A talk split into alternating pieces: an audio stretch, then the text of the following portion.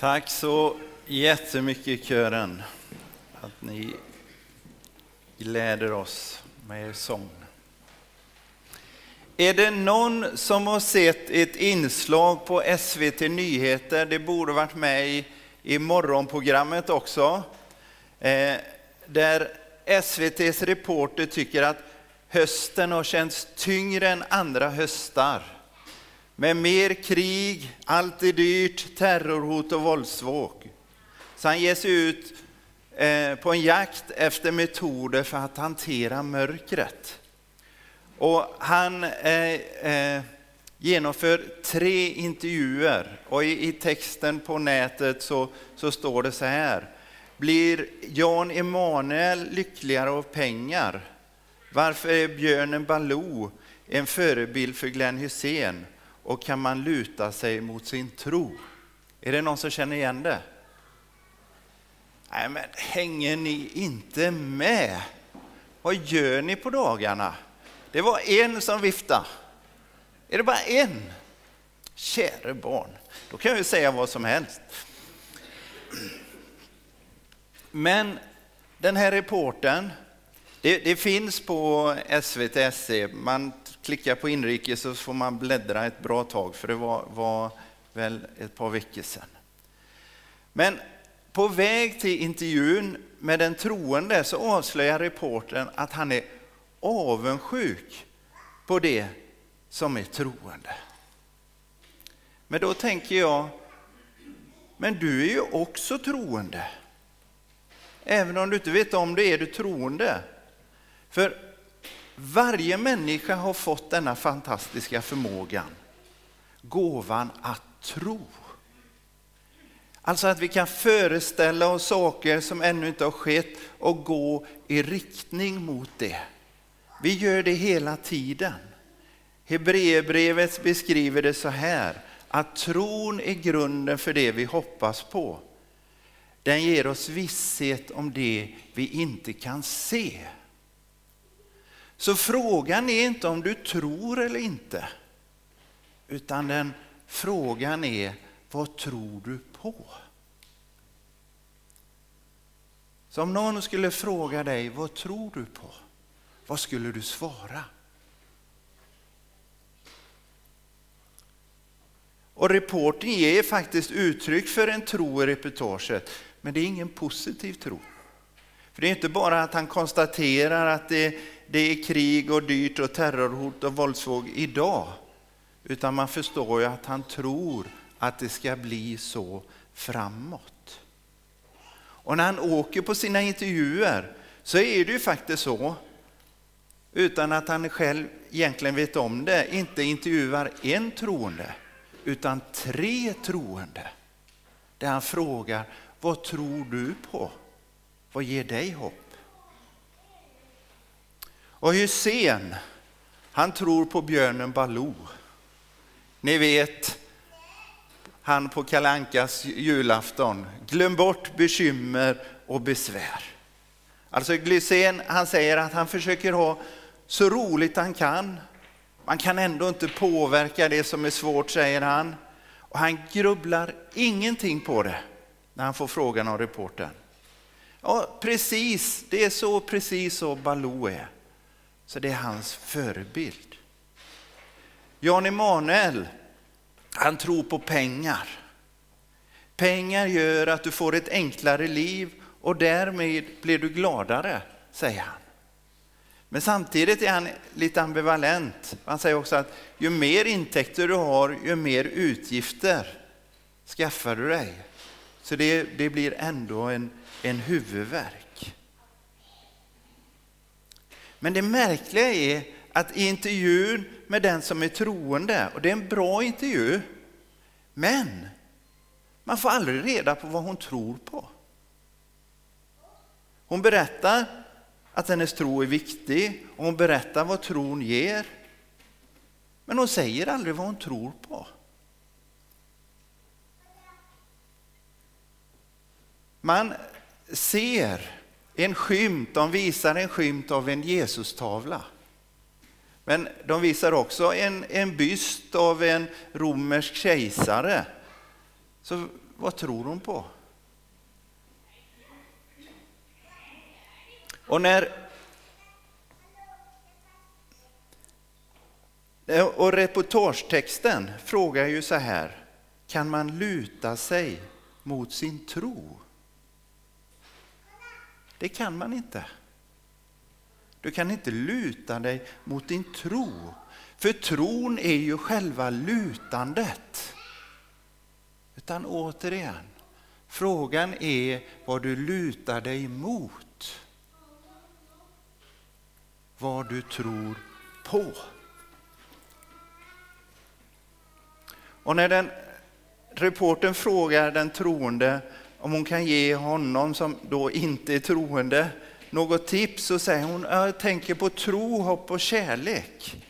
Ja, hopp och kärlek i mitt fall då, säger reporten. Men det går inte. Varför funkar inte det? Jo, för om du inte har en tro så kan du inte ha ett hopp. Om du inte har en tro så kan du inte ha ett hopp. För vad är ett hopp? Jo, det är ju någonting som inte är uppfyllt än. Det är någonting du tror på. Det är något som ligger framför. Hänger ni med? Tro och hopp hänger alltid ihop. Man kan ha en tro utan att hopp. Jag tror inte det kommer gå bra. Men du kan inte ha ett hopp utan att ha en tro.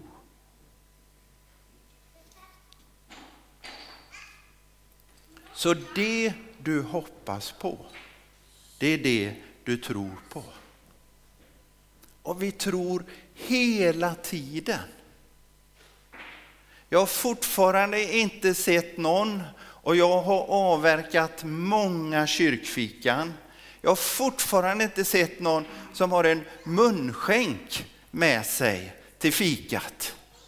Som får liksom provsmaka kaffet innan för att kolla att det inte är förgiftat. Nej, alla dricker kaffe i tro. Det är självklart tycker du. Ja, för du har denna förmåga att tro. Du gör det hela tiden. Är, vi har en massa sådana här småtro. Men frågan är, vad är vår grundläggande tro? Vårt grundläggande hopp som vi bygger alla våra småhopp på. Är det så att om, om jag förtränger allt som är svårt, då blir det bra? Eller är det så att pengar, det är det jag hoppas på. Det ska ge mig mening. Jag förmodar att det är Jesus den troende kvinnan tror på och inte den eh, eh romerska kejsarbysten. Jag tror det är Jesus. Men vem är han? Om man tror på Jesus, vad tror man då? Vem är han? För adventstexten framför alla andra som vi hörde, det är ju när Jesus rider in i Jerusalem.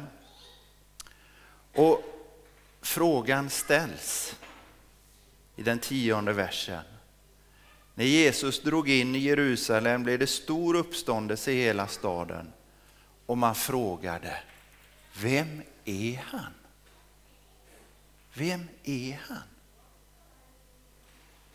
Och folket svarade, ja det är profeten Jesus från Nasaret i Galileen. Det står i Bibeln, men är det ett korrekt svar? Att han är en profet? Ja, det finns en annan i Bibeln som ger samma svar. I Johannes 9 så kan vi läsa om hur Jesus botar en som var född blind. Jesus är så krånglig, han gör det på sabbaten. Och då fick man inte jobba och när Jesus botar då jobbar han. Så, så den före detta blinde han blir korsförhörd av de religiösa väktarna, fariseerna. Och han får frågan i, i vers 17. Vad tror du själv om honom eftersom han öppnar dina ögon? Och han svarade att han är en profet. Men det är ett svar som de inte gillar. Så de försöker visa på att nej, det här är bara bluff, den här mannen har aldrig varit blind. Men, men de misslyckas med det. det. Alla bevis pekar på att den här mannen var född blind och nu kan han se. Och så läser vi i vers 24. För andra gången kallade alltså till sig mannen som hade varit blind och sa till honom, ge Gud äran. Vi vet att den här mannen är en syndare.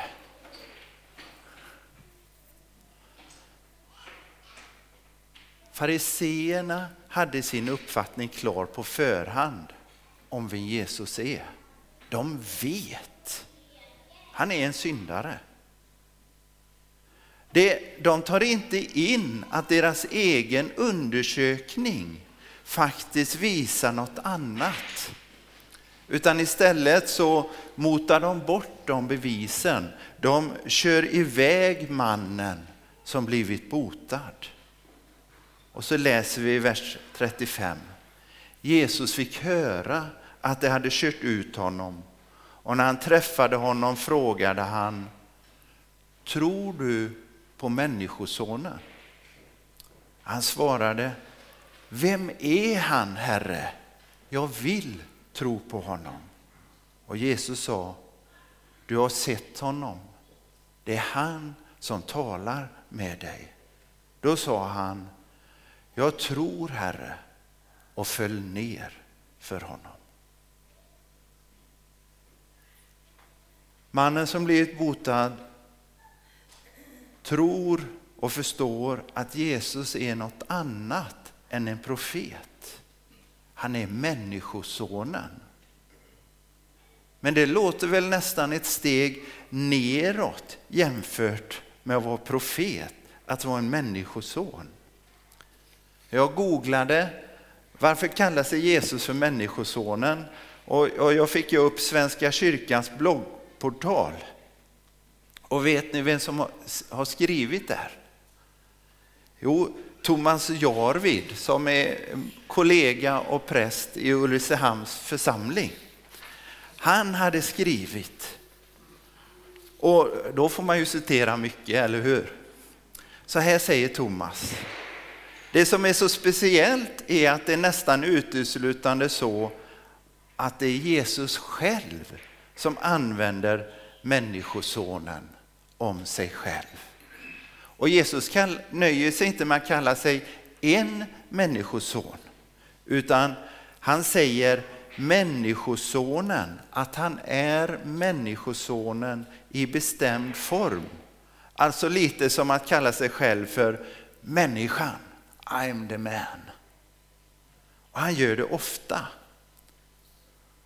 Och så säger Thomas att den viktigaste texten om vad det innebär att vara människoson, det hittar vi att vara människosonen. Det hittar vi i Daniels bok 7, 13-14. Och Daniel säger, jag såg vidare i synerna om natten hur en som liknade en människa, och så lägger Thomas till i parentes, egentligen är det ordet för människoson som andra översättningar säger. En, en människoson kom med himlens skyar. Han nalkades den uråldrige och fördes fram inför honom. Och åt honom gavs makt, ära och herravälde så att människor av alla folk, nationer och språk skulle tjäna honom. Hans välde är evigt, det ska aldrig upphöra och hans rike ska aldrig gå under. Alltså i våra ögon eller öron kanske det verkar lite försiktigare att kalla sig Människosonen jämfört med Messias eller Guds son. Men det är tvärtom. Jesus han identifierar sig med den här kosmiska gestalten som råder tillsammans med Gud och som är med och dömer världen vid tidens slut. Och judarna kunde sin bibel. När den som varit blind kommer till tro på Jesus som Människosonen så kommer han till tro på att Jesus är ett med Gud. Att fråga vem är han är en mycket rättmätig fråga. Och det är en väldigt viktig fråga. För det är inte en småtro om man ska våga dricka kaffet här eller inte. Utan det är det här grundläggande. För Jesus har sådana anspråk. Håller det att bygga sitt liv på tron på honom? Vem är han? Och det är faktiskt så att var och en av oss behöver ta ställning till det. Att säga, nej men jag har ingen åsikt, det är faktiskt också en åsikt. Att säga, jag tar inte ställning, är också en ställning. Vi hade haft en alfakurs tillsammans med Brunnsnäskyrkan Alltså en, en grundkurs om vem Jesus är, om kristen tro. Eh, med mat, föredrag och samtal. Och det har varit så roligt. Och i samtalen har varit så spännande. Alla frågor är tillåtna. Alltså det, alfakurs är ett sånt gyllene tillfälle att få reda på vem är han? Nu är det så att vi precis har gjort den och nästa blir nästa höst igen. Men jag vill redan så ett frö i dig nu. Häng på alfakursen i höst. Men har du frågor nu, du behöver ju inte vänta så länge. Vare sig du säger att du tror på honom eller du inte vet vad du ska tro. Ställ dina frågor till mig eller till Thomas Jarvid eller till någon annan du har förtroende för. För det är någonting vi verkligen behöver fundera över. Om Jesus inte är den han säger sig vara. Guds son, Gud själv. Då måste han ju vara något annat. Eller hur? Om Jesus inte är den han säger sig vara, vem är han då? Och egentligen finns det bara tre alternativ. Det första är att det inte är sant. Jesus är inte Guds son. Och han visste om det och alltså ljög han. Han är en bedragare. Eller så var det inte sant. Men Jesus förstod inte det, utan han trodde verkligen att han var Guds son. Och då var han ju galen.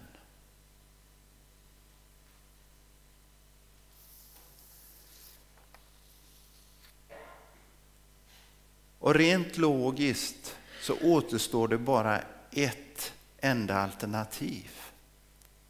Det är att det är sant. Att Jesus talade sanning. Det finns ingenting som pekar på i allt det som Jesus sa och gjorde att han skulle vara vare sig en lögnare eller galen. Igenom allt han säger och gör vittnar han om sanningen. Och han säger så fantastiska saker. Han kan inte vara galen. Vem är han? Jag tror på Jesus. För mig tog det tre år att fundera över, vem är han? Men jag tror på Jesus. Jag tror han har uppstått. Och det ger mig hopp. Och hela, hela Jesu liv visar så tydligt att han vill varje människa väl. Han vill dig väl. Reporten inleder sitt reportage med att säga att det känns som att det är ett kompakt mörker vi lever i. Och det stämmer i mycket. Men ljuset lyser i mörkret. Och mörkret har inte övervunnit det. Och Jesus säger, jag är världens ljus. Den som följer mig ska inte vandra i mörkret utan ha livets ljus. Amen. Nu lyssnar vi till kören.